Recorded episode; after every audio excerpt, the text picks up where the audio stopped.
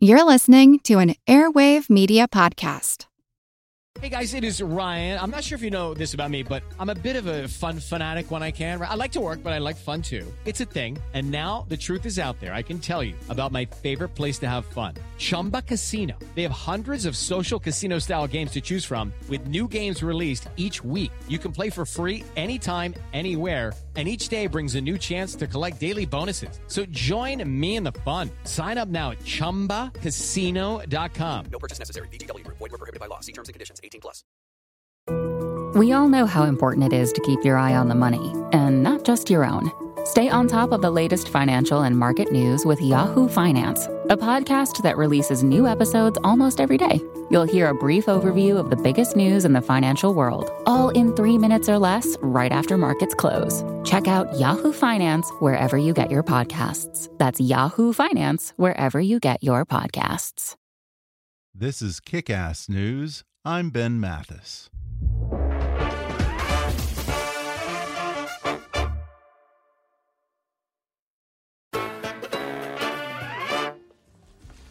Said we're all gonna have to talk to the guy.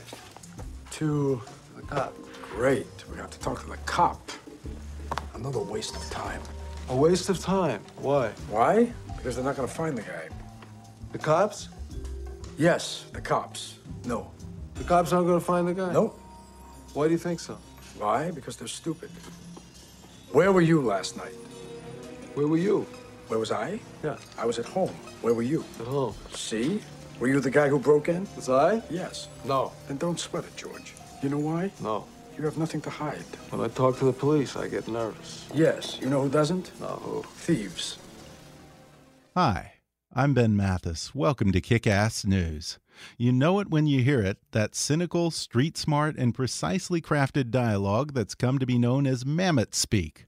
It earned writer David Mamet a Pulitzer Prize for that classic scene in Glengarry Glen Ross, but you also know it from over 30 films, including The Verdict, House of Games, The Untouchables, Homicide, Hoffa, Oleanna, American Buffalo, Wag the Dog, The Spanish Prisoner, Ronin, The Winslow Boy, Hannibal, State and Main, and Heist. Having written and directed some of the great films and plays of the past three decades, he's recently poured his unique voice into a new book full of the grittiness and wittiness we've come to expect from David Mamet. It's called Chicago, a novel.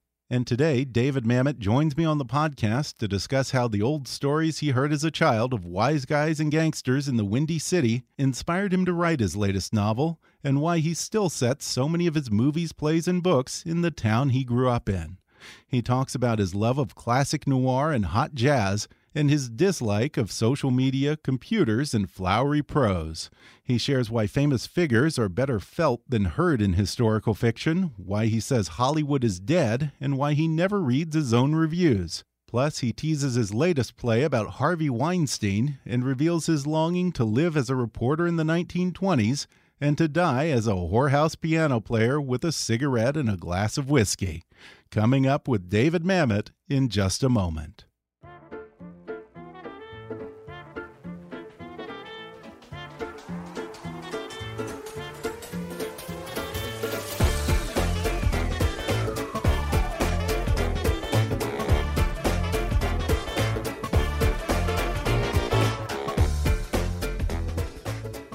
David Mamet is one of the great writers in contemporary American literature. He's written eight collections of essays, two novels, five children's books, two books of poetry, 23 plays, including American Buffalo, Speed the Plow, and Glengarry Glen Ross, for which he received a Pulitzer Prize and a Tony nomination.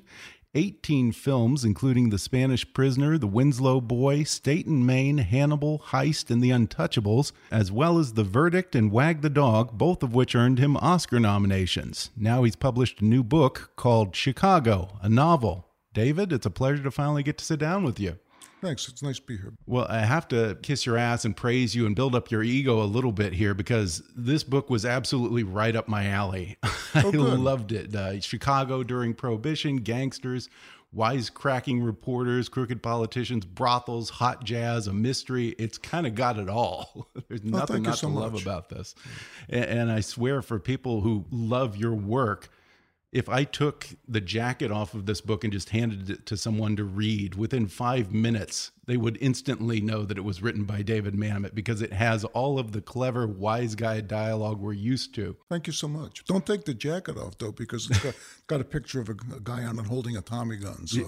yeah, yeah, nice cover art. And it, it's cute. I'll tell you a story about that. They came up with a, a very, very early um, photo of a guy holding a Tommy gun. I said, "This is great." I said, "This is it. Just reeks authenticity. It's so cool."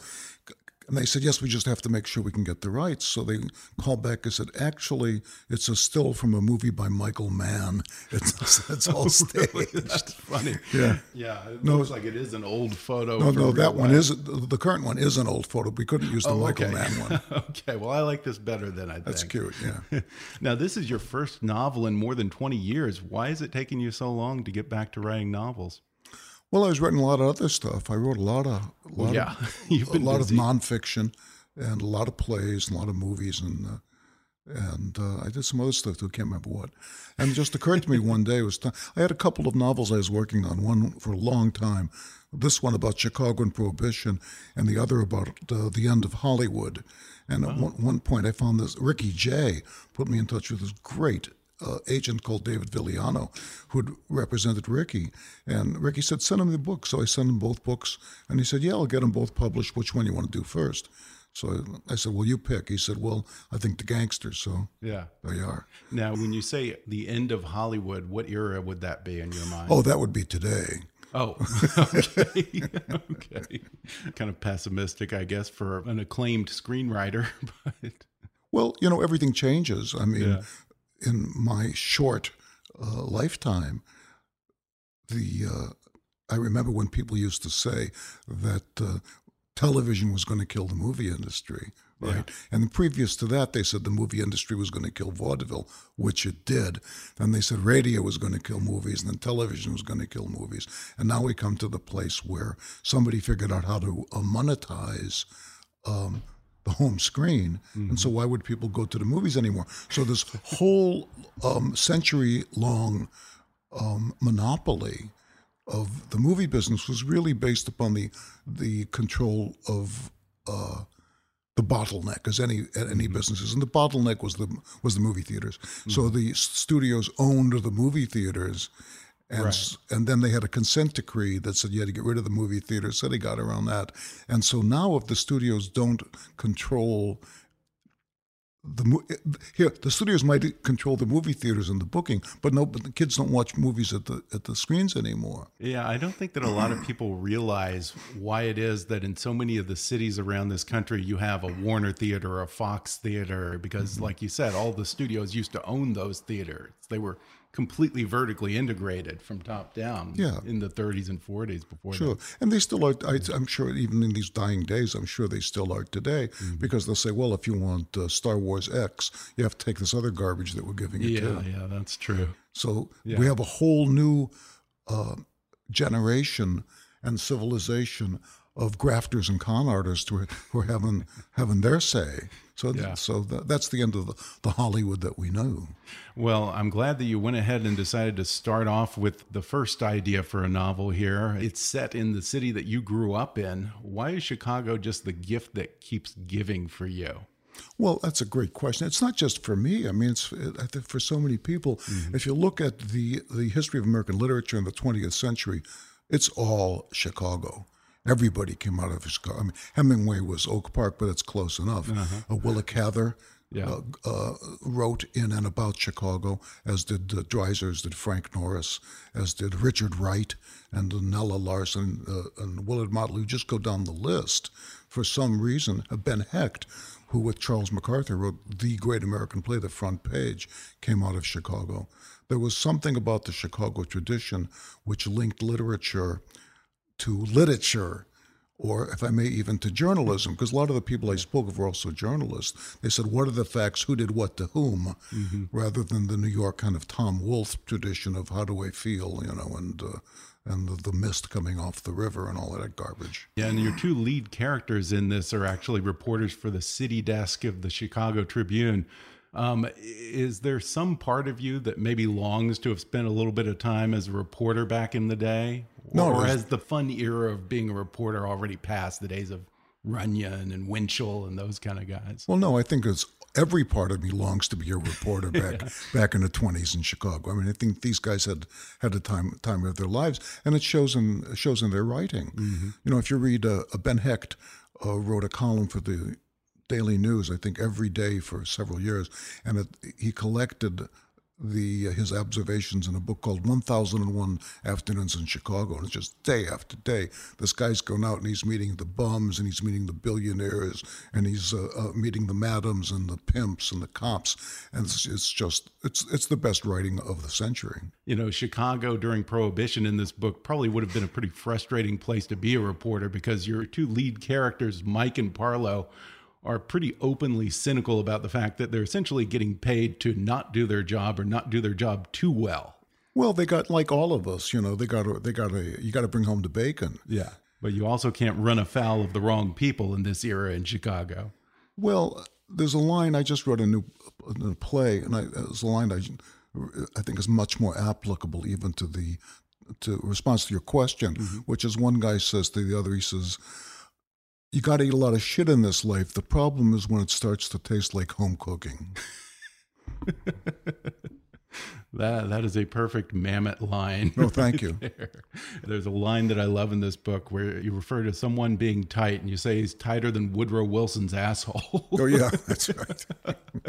um, I heard that you described this novel as sort of a collection of stories. Uh, are, are these the kind of old gangland tales that you would have grown up with as a kid in Chicago? No, I made them up, but Yeah. I mean the the but. Um, But some of the backstory. Well, some well, there are, there are a lot of, of fictional characters in them, and there are a lot of historical characters that are treated as fictional characters. Right. And I wrote a disclaimer at the beginning. I said where the uh, chronological narrative does not serve the uh, the purpose of the novel, the chronological narrative has been whipped into a better understanding of its responsibilities. Yeah. So uh, I put I got the great thrill of imagining myself back into this this world of gangland Chicago, and a lot of the book is told in vignettes of the guys telling stories to each other, and the vignettes are vignettes that I made up. So, um, and I just had the best time doing it. It reminds me a little bit of how Damon Runyon stories would always be kind of a guy with another guy over a bottle of whiskey telling a story about what happened to so and so the other day. Yeah, well, that's true. I mean, Damon Runyon, of course, well, it's like uh, uh, God said, you know, you find 10, 10 uh, uh, worthy men in Sodom and Gomorrah will save the city. They couldn't find 10. But, uh, you know, we would save New York writing for Damon Runyon. Now, your dad was actually a labor attorney in Chicago. I, I have to imagine that he must have had all kinds of stories to tell, probably, huh?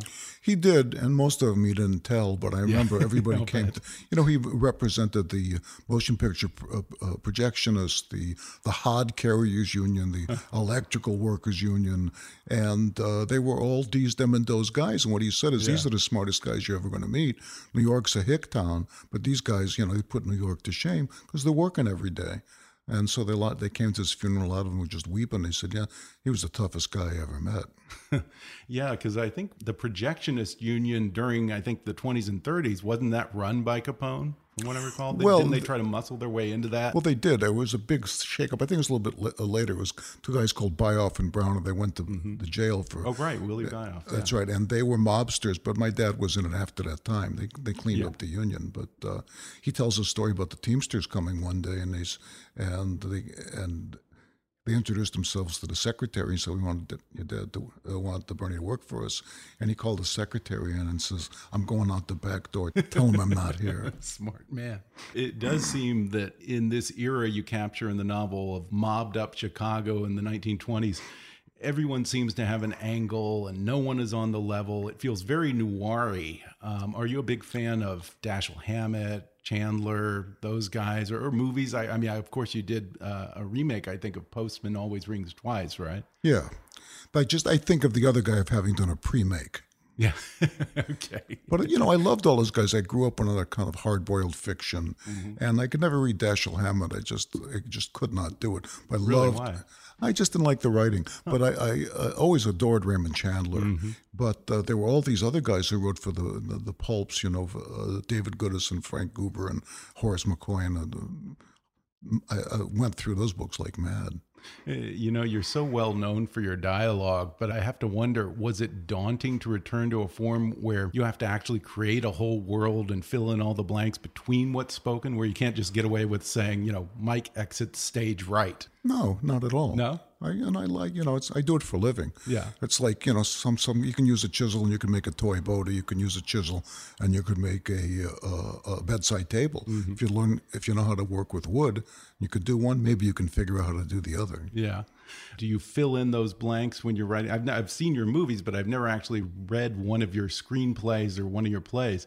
Do you fill in those blanks a lot of time with more than just stage direction? Do you create that atmosphere or do you usually leave that to the director, which sometimes is you, of course? Well, I always leave it to the director because if you're writing something that can't be filled, you're stealing their money. Yeah. If you say, for example, Bill came into the room and you could see from the look on his face that he was anxious, but at the same time he was excited. Yes, perhaps he'd been up all night, but perhaps he was just, uh, perhaps he was with a, a young companion, but perhaps he was worrying about. That's bullshit. You can't film it. All you can do is a guy comes in the door. So a lot of people make a lot of money writing that garbage and putting it into a film script. But I figure all that you can all that you can put in a film script that's usable is what the people said and what the camera's looking at. Mm-hmm. So if you write even write something like the day dawned reluctantly, right? That's kind of a writerly thing to say, but Yeah. how the fuck can you shoot it? yeah.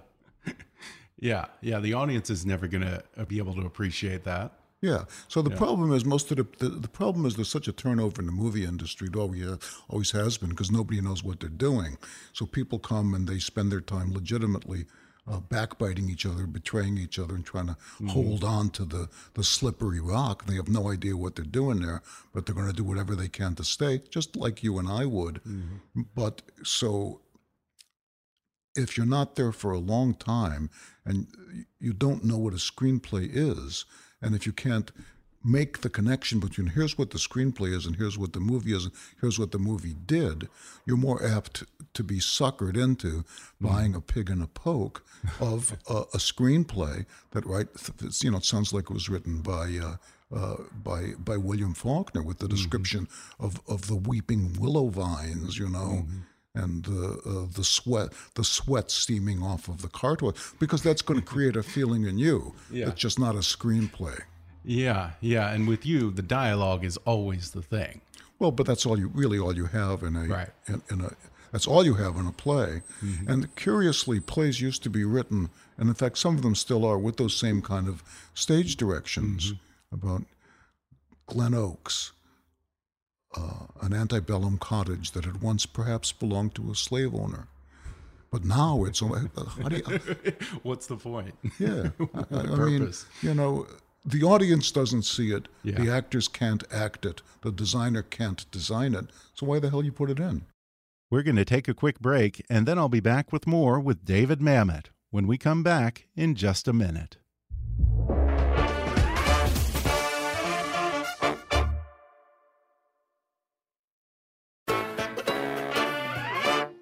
So much of the appeal of your plays and your movies, and particularly also of this book, is what you leave out. Fans of your work will know exactly what I'm talking about.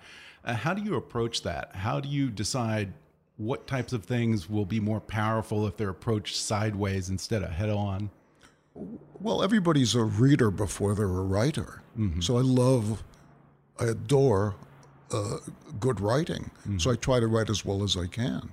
So if I'm writing such that I say, oh, that's not bad, uh, I'm doing my job for the audience because I don't know how to imagine somebody who's dumber than I am because I'm pretty fucking dumb, right? But I, do, I can don't rec- so. I can recognize good writing, so mm-hmm. I don't separate myself from the audience. Say I'm writing for this audience. Mm-hmm. I write for myself. I figure it's good enough for me. Mm-hmm. You know, it's like the same thing that the doctor always says that always wins you over, and maybe it's even true. That he says that's what I'd do if it was my own daughter. Mm-hmm. right? You say, well, okay. But I mean, those blanks are filled with a lot of stuff. What I'm saying is, I guess, how do you choose what you want to overtly say in a script and what is important, but like I said, can be approached sideways or can be sort of referenced uh, through third parties and that type of thing? Well, if you're writing a script, that's all plot. That's all it is. Nobody, nothing can happen that doesn't put forward the plot, Yeah. which is the desire of the hero to achieve his, his goal. Well, I think a good example of what I was talking about is the way that you treat historical figures in this book. Um, unlike the Untouchables, where you sort of have to put the characters like Capone and Eliot Ness front and center, with your novel Chicago, many of these famous gangsters like Al Capone and Dion O'Banion are still there. But they're talked about, their influence looms large, uh, they're experienced oftentimes through a degree or two of separation or you know, your hero will pass Al Capone in the restaurant. Uh, in fact, I think most of the time Al Capone is actually referred to by his alias, uh, Mr. Brown. Yeah. Um, do you find that historical figures in fiction are better when they're felt but not heard? Well, that's a good question. Um, Hitchcock said something brilliant. He said, if you're going to make a movie in Paris, for God's sake, show him the Eiffel Tower. you know. But the other thing is, um, it's it might be challenging to write about these figures, but it's not interesting to Mhm. me. Yeah. Um, sort of boxed in, I guess. I think so. You know, you see Washington chopping down the cherry tree, and you know, and it- that was actually made up by a, a biographer. Right. Uh, so, what do we know about these figures? As you know, what it's like, uh, the hardest form of um, drama is to adapt biography because whatever you do, someone's going to say, "Well, wait a second. Well, uh, what about the Versailles Treaty?" Or "Wait a second. What about if he? Where's the thing where he saves the pussycat?" Right. So you can't include everything. So my my uh, uh, choice was to include nothing, but I do. It just occurred to me for the first time. The book does close. The capper in the book is a, a, a five uh, or three sentence uh, joke about Al Capone. Yeah, and also you it was interesting because after the main arc of the novel wraps up, not to give away too much here, but you end the novel with a chapter about what at the time was considered the crime of the century, the Leopold and Loeb murder. Why did you choose to do that? I don't know. I don't, Okay. You know, I, I had such a wonderful time writing this book. I just loved writing this book. I had such fun.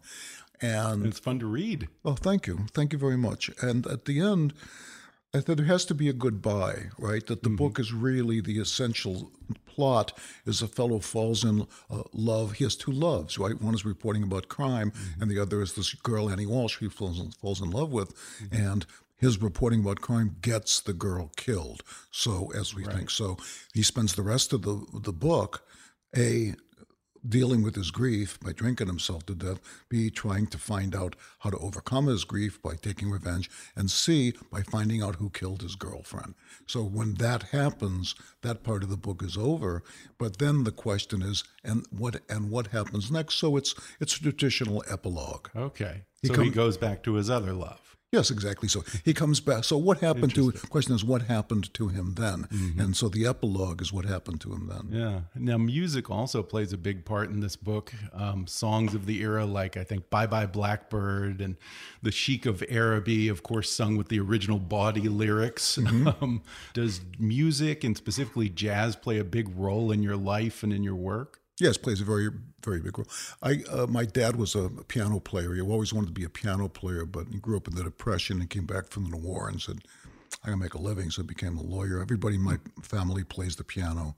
Um, my brother Bob plays it professionally, as does my daughter Willa, and uh, my wife plays the piano. I've been playing the piano since I was four, and I was going to, uh, at one point, uh, they raised me to be a professional musician, and I went. I applied to the Berklee School of Music, Berklee School of Jazz in in Boston, and I got accepted. And at the last moment, uh, I don't even know why I. I, I decided to go to the neighborhood playhouse and study theater, but um, I grew up. Oh, the reason to bring up my dad, I grew up uh, playing out of a fake book. For those who don't know, a fake book was a then illegal uh, compilation of hundreds of songs that the sheet sheet music had been photostated, and you had to go say Joe sent me and go to the back of the music store. So the, the they were the fake books that were my dad's. So when he grew up playing the piano, the songs that he was playing are from the Tin Pan Alley days of 1910. Yeah. So I grew up playing all of the, all of those songs. You even have a piano here in your office. What kind of things do you play on your piano now? I, whatever I feel like. Mm-hmm. Uh, yeah, my dad had a piano. My dad had a piano in his office too, so I got a piano in my office. yeah, that's a real luxury. You know, Oh, to be able to have a piano in your office. I feel like that's something of the old Broadway days. Or you know, Gershwin would have a piano in his office or something. If you're a Broadway producer, maybe you had a piano in your office. yeah, Um, I, I understand that you actually played with Woody Allen's band at some point, and I did. I, love his band. I've seen him a couple of times. I love that early hot jazz. Um, that's getting into some pretty obscure early stuff. Jelly Roll Morton, I guess King Oliver, Fletcher Yeah. Henderson, and those types of guys. yeah. But I, I know all that stuff. Yeah. Is that the kind of stuff that you might have grown up with or, Of course it is. Sure. gravitated toward over the years? Well, you know, yeah. I mean, they're great songs, and it's, it's the uh, it's the uh, the foundation of American music and world music. I mean, to a, a certain extent. Yeah. it's of course it's it's the Jews. and, You know, it's Jerry Kernan and it's the it's the Gershwins and so forth. But to a larger extent, it's uh, it's the blacks coming up from Mississippi that Right. created what we now know as as world music. Usually coming up to Chicago. They came up to Chicago, sure did. And uh, so one of the main characters in the book is an old guy, an African American guy who plays the piano in a whorehouse, and he closes out a lot of the scene. A lot of a lot of scenes take place in a black bordello on the south side, and uh, the old piano player closes out a lot of the uh, a lot of the scenes. You know, he's finishing up his bourbon and having one last camel and putting on his hat and shuffling off at four o'clock in the morning. And I always thought that that's you know how I would how I would end my life. I was looking Yeah. forward to it. you want to go out as a piano player in a bordello, drinking and smoking and Hell yes. Um, is is it the experience of playing that music and just being able to drink and smoke, or in the environment, or is it also just what that piano player would pick up on and see? For a writer, that must be a great position to be in, I imagine. No, no, he was off in his own. You know, I I heard um, it was Artie Shaw talking one time, and he said, you know, he said it's playing together. He said it's better than life. It's better than sex. It's better than anything. Yeah, I once heard, speaking of Gershwin, I once heard a story that I guess he snuck into a bordello where Al Jolson was getting pleasured and he just sat down to the piano and started playing Swanee. And Al Jolson comes down and he says, "What? do- What is that tune? What's that tune?" Next thing you know, he puts it in his show a week That's a later. story. and that's how Gershwin became famous. Oh, so the other Jew I left out, of course, was Irving Berlin, who brought over the Right. Mm-hmm. whole that whole uh, Eastern European tradition that he grew up in. Yeah, Irving Berlin. I mean, the catalog of hits that he wrote, it's unbelievable. And of course, White Christmas, which is, I think, the all-time best-selling song. Yeah, it's the. Uh, it's- I, I think it's. I think it's the all-time most uh, lucrative copyright Yeah. of, of yeah. any kind. Yeah. Now, oh, I wonder, what is your writing process like? Are, are you pretty disciplined? I mean, it's sitting here in your office. It seems like you have a lot of wonderful distractions for a writer that would probably drive me crazy. I probably wouldn't be able to type a word. Yeah. Well, my writing process was is best summed up by uh, my daughter Willa, who was then about eight, and we were living in Vermont in this beautiful ancient old rundown farmhouse, and had a little cabin in the woods a hundred yards away. I would get up every morning and make breakfast and take a thermos full of tea and start out to the cabin. And she'd say, "Oh, Dad, where you going?" I say, "Well, I'm going to work." And she said, "Nighty night." So she knew she wouldn't be see. Oh, oh, oh, oh! You're saying that she, you were going for a nap, huh? Yeah, so my one character I've been, uh, my my son and I trade jokes all the cartoons all the time, and and my one character I've been kicking around again lately is Nap Man, the the man of chenille. I, I admire your work ethic then, because I, I, I secretly fantasize about putting a pull-out couch in my office so I can take naps here and there. Um, yeah, it, it does seem like I mean, if I were in your position, I would be easily distracted because I see you have a guitar over here, you have all kinds of books, you have a piano and everything. Uh, uh, do you find that sometimes those things are helpful for you, maybe to step away from the work and mentally No, go I- somewhere else, and then it'll maybe maybe it comes to you? No, I, I grew up. Um, uh, I had the uh, the standard issue wretched childhood and it was very very helpful because people always told me i was you're so, you're so smart why are you lazy? Which i understood to mean you know you're so stupid why are you stupid? So i always thought of myself as very very lazy. Really? and so i mean to this day i think of myself as very very lazy. So once in a while i say jesus christ you're so lazy. Why don't you stop screwing around and do something? So uh, then i then i do something. So if i have to you know i can sit there and write for 16 hours a day and get something done if I have to, and if not, I can uh, I can not. hmm Wow. I mean, for, for a lazy guy, you're pretty prolific, I have to say that. um, Well, Arnold Bennett said he was talking about somebody. He said, like all prolific writers, he was extremely lazy, and I thought, yeah, I understand that. I can't explain it, but I understand it.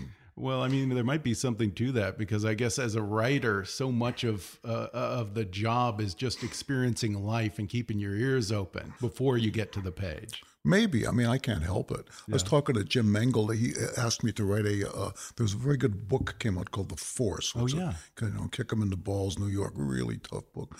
And he asked me to write a uh, uh, screenplay, and so I said, "Sure." And he said, "Well, uh, okay, how are we going to develop it?" I said, I, I, "I said I don't have the time to develop it. I'll just go fucking write it." So he said, "Okay." So I did. So God bless him. Um, when you're in that bubble of the writer, how how do you know when what you've written is good or bad before you even show it to someone? Do you have an instinct for that? Sometimes, and many times I'm wrong. You know, I always yeah? say, you know, I'm I'm uh, never indecisive, often wrong. Um, I, I saw that you did a master class on writing. Uh, what are some of the most important lessons that you try to impart to writers starting out? Well, the the first lesson I learned was from Anthony Trollope, who my my hero and a mid Victorian, late Victorian writer, wrote 47 novels. And in his autobiography, he says, Young writers say, What do I need to write? He says, Get some cobbler's wax and put it on your chair. that- Stick you to your seat. huh? Stick to your seat and take Yeah. that silly, stupid fucking machine and throw it out the window and sit there and drive yourself crazy until something comes out. Yeah, yeah, yeah. The machine. Are you talking about a computer or are you talking about a phone? Because I know you don't use a computer either, do you? No. You you still type on a on an old typewriter? Yeah, and I also write on. Uh, before that, I usually write everything out longhand in a Mm-hmm. uh, in my, my wonderful pen. Now, is that indicative of your overall feeling about technology? You don't tweet or do social media then? No, I think I don't. Why would one do that? Well, you're you're clearly a guy with a voice and opinions and clever stuff to say. Don't you ever come up with a witty line and want to throw it out there into the universe?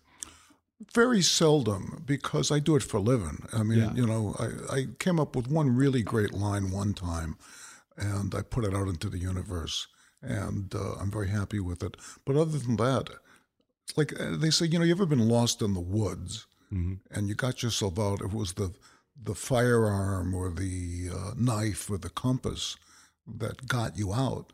You prize that forever. So what I've you know been getting myself through, if I may, the woods of this uh, this uh, this selva oscura, right? As, as Dante said, this dark wood, with the uh, using a typewriter and a pen. Why would I want to switch to something else? Well, as I was scrolling through the reviews and articles about this book, I had to kind of chuckle to myself because so many of the pieces about your book have the headline David Mamet is writing a play about Harvey Weinstein. has, has that been a little bit of an annoyance to you? No, because I don't I don't read it. Oh, okay. Oh, you don't read your own articles or reviews? No, because it's Oh. it- they're never good enough. If they're good, and if they're bad, they they upset me, and because I either get mad at the idiots who don't understand my work, or I think, oh, and worse, I think, oh my God, maybe they're right. So How about podcasts? You listen to podcasts? no, I I, I kind of know what a podcast is, but I, I'm not sure I do. Okay. Um, well, can you tease what your angle on the Harvey Weinstein story might be? Yeah, it's Harvey, but he's set in he's set in uh, in in 15th century Spain, and he meets this. He's thrown in prison, you know, for his various crimes. I mean, I don't know that uh, if Harvey has been accused of something. I don't know if he did this stuff or not. Nonetheless, he's thrown, yeah. and he meets this guy called Mike, who it turns out is Miguel de Cervantes. And I'm just making this up. now. It's a good idea, though, right? Yeah. well, uh, I enjoyed the book. Any talk of a movie based on it yet? Yeah, probably. I mean, uh, somebody said, "What's it like making a making a film out of your your works?" Early, I said, "It's like raping your children to teach them about sex." on that note, I really enjoyed the book. I, I, would actually love to see it on the big screen one of these days. Again, it's called Chicago, a novel. David Mamet, thanks so much for talking with me. You're so welcome. It's been a pleasure. Thanks again to David Mamet for coming on the podcast. Order his book, Chicago, a novel, on Amazon, or listen to the audiobook at audible.com. If you haven't already, be sure to subscribe to Kickass News on iTunes and leave us a review. You can follow us on Facebook or on Twitter at, at KickassNewsPod. And as always, I welcome your comments, questions, and ideas at comments at kickassnews.com. I'm Ben Mathis, and thanks for listening to Kickass News.